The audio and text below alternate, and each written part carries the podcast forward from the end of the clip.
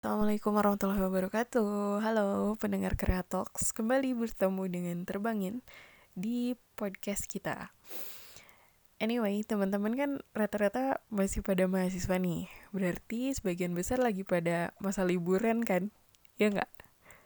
Atau mungkin masih ada yang uas kali beberapa ya Atau mungkin malah udah masuk lagi Edan juga Nah liburannya gimana nih? Udah ngapain aja nih? Udah jalan-jalan? Atau main atau nyobain kafe baru atau ada yang rubahan doang di kamar sambil nonton YouTube.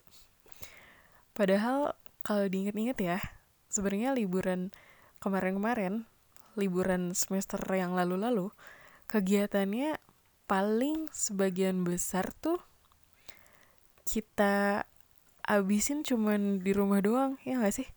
Tapi tetap aja baik itu kita tahu liburan nanti mau ngapain atau enggak mau kita udah ada agenda atau masih menerawang kita bakal ngapain tapi pasti kita tetap seneng deh kalau liburan udah deket ya gak? Nah satu hal yang harus kita ingat faktanya libur panjang itu nggak selamanya tahu? Iya beneran. Maksudnya gini uh, buat yang kali buat kalian yang lagi tingkat akhir apalagi libur panjang yang kalian alami itu pasti nggak pasti deh maksud eh amin. Nggak nggak ngedoain lulusnya lama ya cuman maksudnya kalau kalian udah tingkat akhir libur panjang yang kalian alami itu paling tinggal satu atau dua kali libur panjang lagi.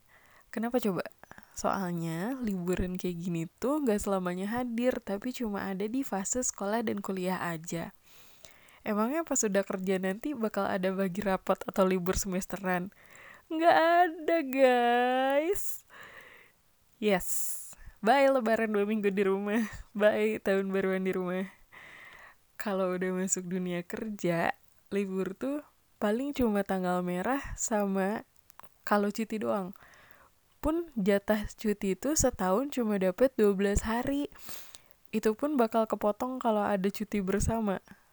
Kebayang kan setelah masuk dunia kerja nanti tuh waktu luang kita tuh pasti berasa kayak dikit banget. Jauh, jauh lebih dikit daripada sekarang.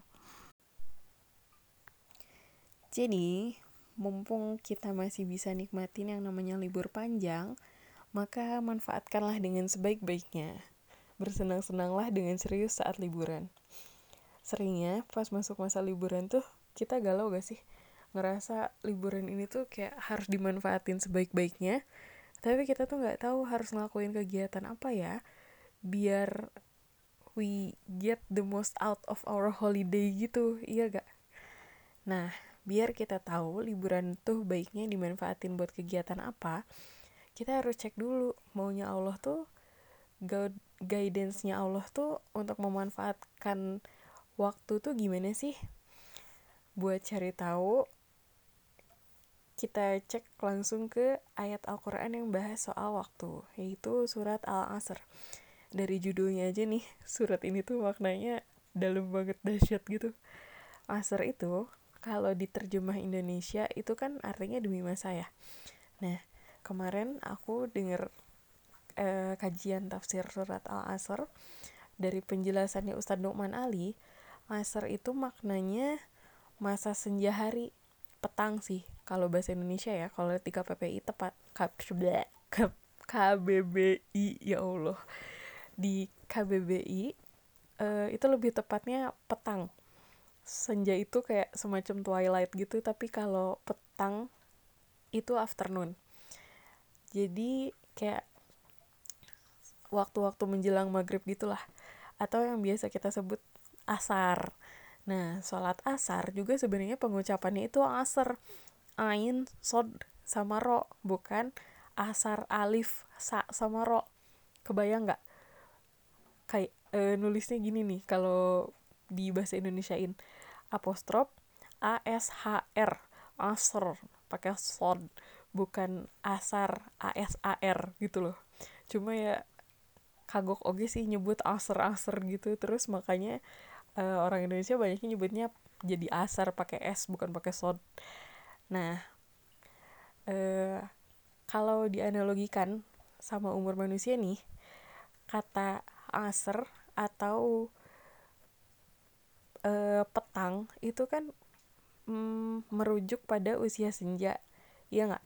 Usia menjelang berakhirnya masa kehidupan seseorang nah ternyata di mata Allah kita tuh hidup di dunia tuh seolah ada di masa asr itu. Kenapa? Karena berapapun umur kita sekarang bisa jadi saat ini kita ada di masa petangnya kita sendiri. Astagfirullahaladzim. Serem sendiri serem sendiri ya Allah. Nah bisa jadi sebentar lagi tuh kita terbenam. Karena semudah apa pun kita saat ini dalam hitungan manusia kita gak pernah tahu kapan ajal kita tiba kapan masa hidup kita habis. Makanya Allah bilang sungguh manusia berada dalam kerugian yang besar karena kita nggak tahu jatah umur kita sisa berapa sih tapi kita masih aja gak manfaatin waktu sebaik-baiknya. Astagfirullah serem banget teman-teman. Like aduh merinding. Merinding literally merinding. Nah that's why meskipun kita lagi liburan nih meskipun kita ngerasa kita lagi bisa nyantai ngerasa hidup kita sedang masa-masa yang ringan gak ada tuntutan bisa leha-leha tapi pada hakikatnya di mata Allah kita tetap ada di waktu asar ini. So pada hakikatnya gak ada waktu untuk kita sia-siakan. Ya Robi nah tapi apakah itu artinya kita nggak boleh istirahat selama liburan? Oh tidak. Tentu boleh. Istirahat itu sunatullah loh btw meskipun yang menentukan waktu libur semesteran itu bukan Allah ya tapi Allah menentukan waktu malam sebagai pakaian dan waktu istirahatnya manusia. Nah Coba kita cek itu ada di Quran surat banyak banget loh ayat yang nyuruh kita beristirahat pada malam hari. Itu ada di surat um, Al-Qasas ayat 73. Terus ada di ada di uh, Al-Mu'minun ayat 61. Ada lagi di Al-An'am ayat 60 Terus ada lagi di Ar-Rum ayat 23. Ada lagi di An-Naml ayat 86. Ada lagi di uh, surat Yunus ayat 67. Masya Allah, banyak banget. Nah, dari sini kita bisa paham bahwa oh memang fitrahnya manusia itu emang perlu istirahat. Nah, supaya istirahat kita bermanfaat, supaya uh, liburan kita ini manfaat, kita juga harus paham dulu liburan itu tuh tujuannya buat apa sih? Liburan ada pada hakikatnya supaya manusia bisa refreshing. Refreshing itu artinya kan melakukan sesuatu supaya kita bisa refresh. Refresh, kembali, kembali segar. Kembali segar setelah layu. Eh, emang dikata sayur. Nggak maksudnya kembali segar setelah jenuh melakukan suatu aktivitas gitu loh. Nah, berarti liburan yang benar itu, istirahat yang benar itu ya kayak gitu. Yang benar-benar bisa mengembalikan kita ke kondisi segar kembali. Yang bikin energi kita balik lagi. Jadi, saat kita balik ke rut, saat kita balik ke rutinitas, kita menjalani aktivitas itu dengan semangat. Itu artinya kalau setelah liburan kita malah jadi letoy atau malah jadi tambah males terus hari pertama masuk kuliah mager-mageran pengen cabut berarti kita belum memanfaatkan liburan kita dengan baik dan benar belum bersenang-senang dengan serius tuh nah kadang kita tuh suka salah kaprah gitu kita nganggapnya kegiatan yang refreshing itu ya harus kegiatan yang leha-leha kayak nonton atau spa, pijat refleksi, uh, scrolling medsos. Padahal nggak harus, teman-teman. Coba deh, kalau misalnya kita mau jujur sama diri sendiri, belum tentu kegiatan-kegiatan itu yang bikin kita lebih jernih dan bersemangat setelahnya. Kalau setelah melakukan kegiatan itu kita malah jadi males, itu artinya kegiatan itu bukan booster yang baik buat kita. Coba deh kita refleksi terus mengingat-ingat menelaah diri kita sendiri kira-kira sebenarnya kegiatan apa sih yang paling jadi booster buat kita bisa jadi justru bukan kegiatan leha-leha tapi kegiatan yang sekilas terlihat melelahkan dan ngemalesin dan e, seperti kegiatan yang seharusnya kita hindari saat liburan gitu. Misal misal misalnya e, kita merhatiin lingkungan sekitar jalan jauh cari hikmah dan biasanya kita sebut kegiatan ini dengan traveling. Atau mungkin hmm, belajar skill baru atau memperdalam skill yang udah kita punya uh, kita belajar secara otodidak. Atau mungkin bikin projectmu sendiri entah itu berupa push rank hafalan lah atau uh, bikin DIY sesuatu lah atau project sosial bantuin anak yatim lah. Apa pun itu project yang kamu mau dan kamu suka dan bermanfaat atau mungkin kamu bisa explore keingintahuanmu entah itu lewat baca buku, dengerin kajian, atau pergi ke perpustakaan, baca jurnal, kamu ngikutin keingintahuanmu yang kamu nggak bisa pelajari itu uh, di dalam kurikulum kuliah misalnya. Atau mungkin kamu bisa manfaatin liburanmu untuk me time fokus mikirin masa depanmu mau dibawa ke mana kapan mau S2 nentuin karir path 5, 10, 20 tahun ke depan nentuin ingin dakwah di bidang apa di uh, usia produktif kita nentuin kapan sih mulai tabungan eh mulai buka tabungan haji supaya bisa biayain haji orang tua misalnya atau mulai menabung buat beli rumah kalian sendiri uh, kan bisa jadi kan. Nah kapan lagi kita bisa menyendiri dan fokus setting goals tanpa diganggu sama proker atau tugas kuliah ya nggak?